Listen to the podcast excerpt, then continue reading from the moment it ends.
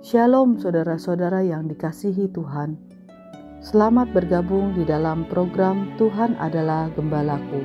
Sebuah program di mana kita bersama-sama merenungkan firman Tuhan. Firman yang meneguhkan iman agar kita hidup menyenangkan hati Tuhan dan menjadi berkat bagi sesama.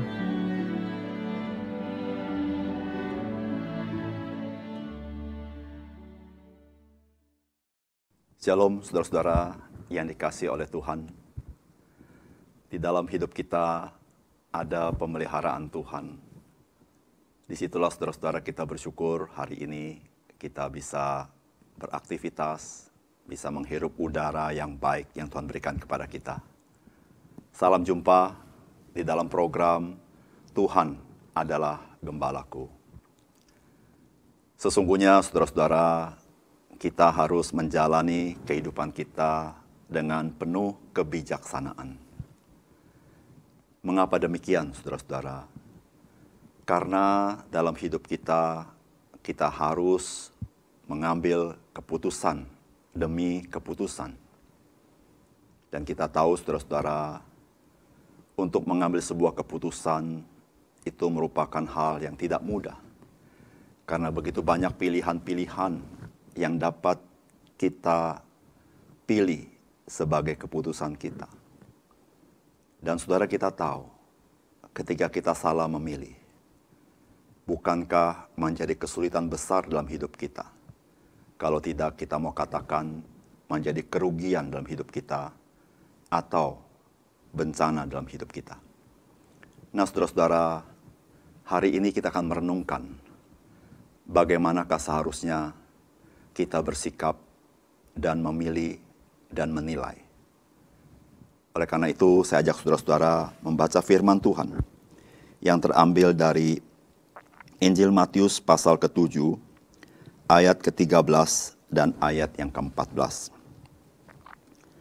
Masuklah melalui pintu yang sesak itu, karena lebarlah pintu dan luaslah jalan yang menuju kepada kebinasaan dan banyak orang yang masuk melaluinya. Karena sesaklah pintu dan sempitlah jalan yang menuju kepada kehidupan, dan sedikit orang yang mendapatinya.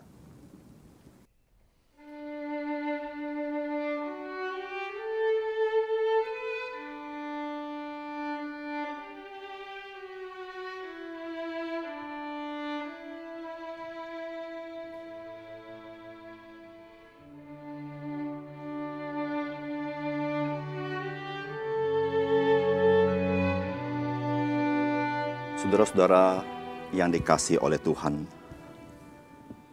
pintu yang sesak atau jalan yang sempit, sering kali orang ragu memasukinya. Karena pada umumnya orang merasa tidak nyaman melalui pintu yang sesak atau jalan yang sempit. Saudara orang lebih mudah tanpa mempertimbangkan umumnya orang lebih suka masuk kepada pintu yang lebar dan jalan yang luas. Karena jalan itulah yang banyak dilalui oleh orang dan kita merasa nyaman di dalamnya.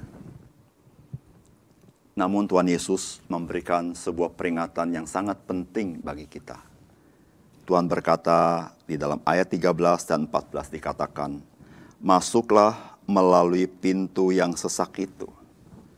Karena lebarlah pintu dan luaslah jalan yang menuju kepada kebinasaan. Dan banyak orang yang masuk melaluinya. Karena sesaklah pintu dan sempitlah jalan yang menuju kepada kehidupan. Dan sedikit orang yang mendapatinya. Saudara-saudara, apakah yang dapat kita pelajari dari firman Tuhan hari ini? Saudara, saya mendapatkan yang pertama, mari kita menjalani kehidupan kita dengan tidak ikut-ikutan orang lain, dengan tanpa mempertimbangkan dengan sungguh-sungguh. Saudara, dengan mudah kita menjadi orang yang ikut-ikutan. Karena kita melihat banyak orang yang melewati jalan itu. Dan kita terus tidak perlu terlalu banyak berpikir apakah jalan ini benar atau tidak benar. Karena kita berpikir, saudara-saudara, karena begitu banyak orang mengikutinya, maka kita pikir ini pasti jalan yang benar. Saudara-saudara yang kasih dalam Tuhan, jalan dunia ini banyak orang yang ikuti. Karena saudara-saudara, jalan dunia ini sering kali diukur oleh mata kita. Apa yang kita lihat. Diukur oleh kesenangan kita. Apa yang kita sukai. Tetapi saudara-saudara, jalan dunia ini bukanlah jalan yang memberikan kepastian kepada satu kehidupan yang bermakna dan bernilai. Saudara-saudara, ikut-ikutan pada akhirnya kita akan menyesal, saudara-saudara.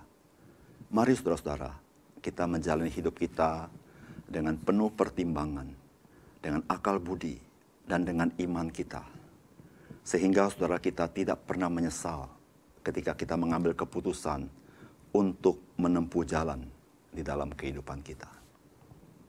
Yang kedua, saudara-saudara, yang saya dapat dari firman Tuhan, jalan yang sulit tidak sama dengan jalan yang salah. Seringkali kita berpikir, kalau jalan itu lancar, itulah jalan yang benar. Dan juga kita berpikir, kalau jalan itu untung, itulah jalan yang benar. Tapi saudara-saudara, kenyataan kehidupan kita tidak demikian bukan? Ada kalanya kita melihat jalan ini lancar. Tapi justru saudara-saudara, jalan itu jalan yang salah. Jalan yang mencelakakan kita. Ada kalanya kita melihat jalan ini menguntungkan. Tapi justru saudara-saudara, jalan itu sangat berbahaya. Saudara, barang-barang berharga tidak pernah dihasilkan dari proses yang mudah. Barang-barang berharga, saudara, diproses, dihasilkan melalui jalan yang sulit, bahkan penuh pengorbanan. Saudara, jalan yang sulit tidak selalu bukan jalan yang benar. Jalan yang sulit tidak selalu bukan kehendak Tuhan. Oleh karena itu, saudara-saudara yang kasih dalam Tuhan, ketika saudara mengalami kesulitan melalui jalan yang saudara tempuh, saudara belum tentu jalan itu jalan yang salah. Tapi kemungkinan Tuhan mengizinkan saudara mengalami kesulitan itu dengan maksud dan tujuan bagi kebaikan saudara di dalam kehidupan ini. Oleh karena itu, saudara-saudara, ketika engkau berjalan di jalan yang sulit, mari berjalan dengan iman, bukan dengan kekuatan kita sendiri, tapi di dalam anugerah dan pertolongan Tuhan. Karena dialah yang memimpin jalan kita sesulit apa pun, karena dia gembala kita yang baik. Yang ketiga, saudara-saudara yang saya dapatkan dari firman Tuhan ini. Saudara, kebenaran Tuhan itu adalah pintu yang sesak. Karena tidak tergantung dengan apa yang saya sukai. Saudara, bukankah kita sering kali dipimpin oleh apa yang kita suka? Karena itulah yang membuat kita nyaman, bukan? Saudara, apa yang kita suka belum tentu tepat. Mengapa saudara-saudara? Karena kita terbatas di dalam hikmat, di dalam pengetahuan. Kita tidak tahu apa yang terjadi di depan, apa yang terjadi di kemudian hari. Tetapi saudara-saudara, kebenaran Tuhan itu adalah objektif. Karena Tuhan tahu apa yang sebenarnya yang akan terjadi dalam hidup kita. Oleh karena itu, firman Tuhan berkata, masuklah melalui pintu yang sesak itu. Maka kamu masuk ke dalam kehidupan. Saudara Tuhan memimpin kita bukan untuk mencelakakan kita. Tuhan memimpin kita untuk kita mendapatkan kehidupan itu. Kehidupan di dalam kelimpahan. Yaitu saudara-saudara melalui Yesus Kristus yang merupakan satu-satunya jalan dan satu-satunya pintu kepada damai sejahtera yang daripada Tuhan. Saudara kasih dalam Tuhan, mari kita terus berjalan dipimpin oleh firman Tuhan. Meskipun jalan itu jalan yang sesak, tetapi dia memimpin kepada kehidupan. Jangan berdasarkan apa yang saudara dan saya suka. Bukan berdasarkan apakah saudara dan saya nyaman.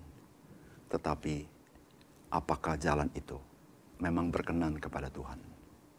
Mari saudara-saudara, takut akan Tuhan adalah permulaan dari segala hikmat.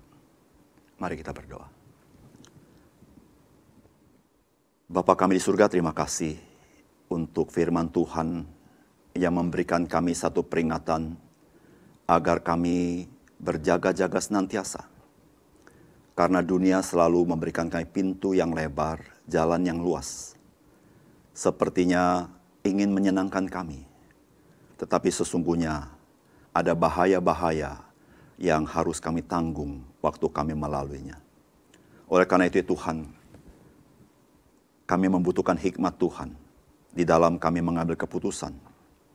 Kami membutuhkan pertolongan Tuhan, pimpinan Tuhan, supaya kami tidak salah di dalam mengambil keputusan.